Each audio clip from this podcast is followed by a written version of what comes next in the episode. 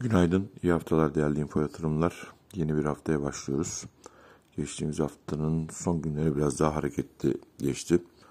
Özellikle 8.85'e kadar gerileyen dolar kuru haftanın son işlem gününde yeni bir rekor kırdı.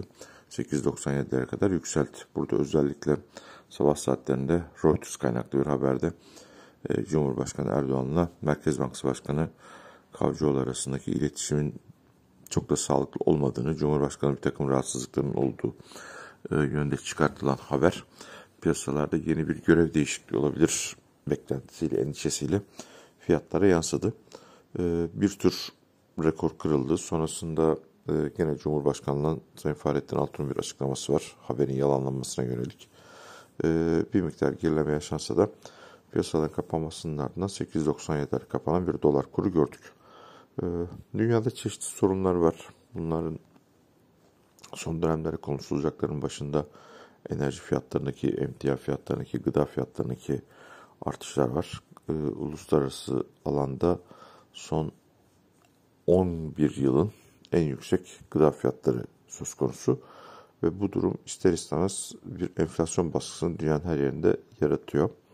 Ee, ve buna hazırlıklı olan ülkelerde ya da hazırlanmaya çalışan ülkelerde özellikle gelişmekte olan ülkeler faiz artışlarıyla bir sıkı duruşu önden harekete geçiyorlar. Oysa ona karşılık Türkiye gibi kırılganlıkları olan döviz girdisine ihtiyacı olan bir ülke Eylül ayında piyasalar arasından sürpriz olacak biçimde bir faiz indirimine gitti. Biliyorsunuz %19'dan faizler %18'e çekildi.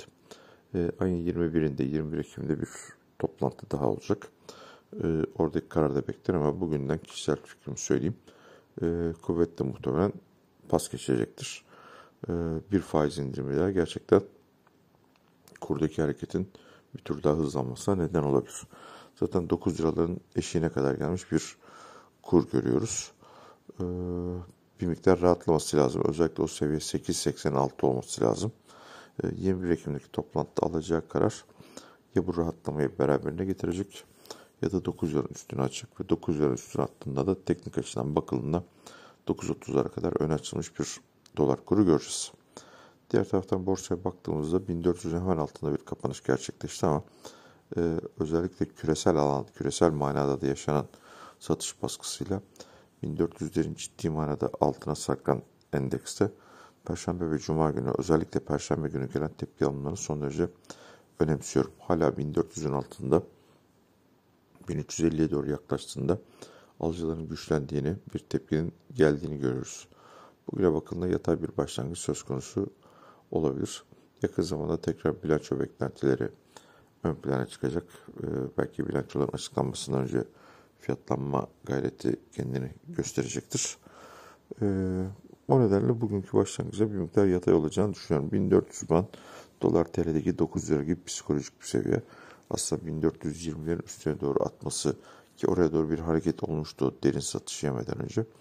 1420'lerin üstüne atması piyasayı bir miktar daha rahatlatabilir. Ee, ve son zamanlarda borsamızın uluslararası alandaki diğer borsalarla korelasyonu tekrar arttı.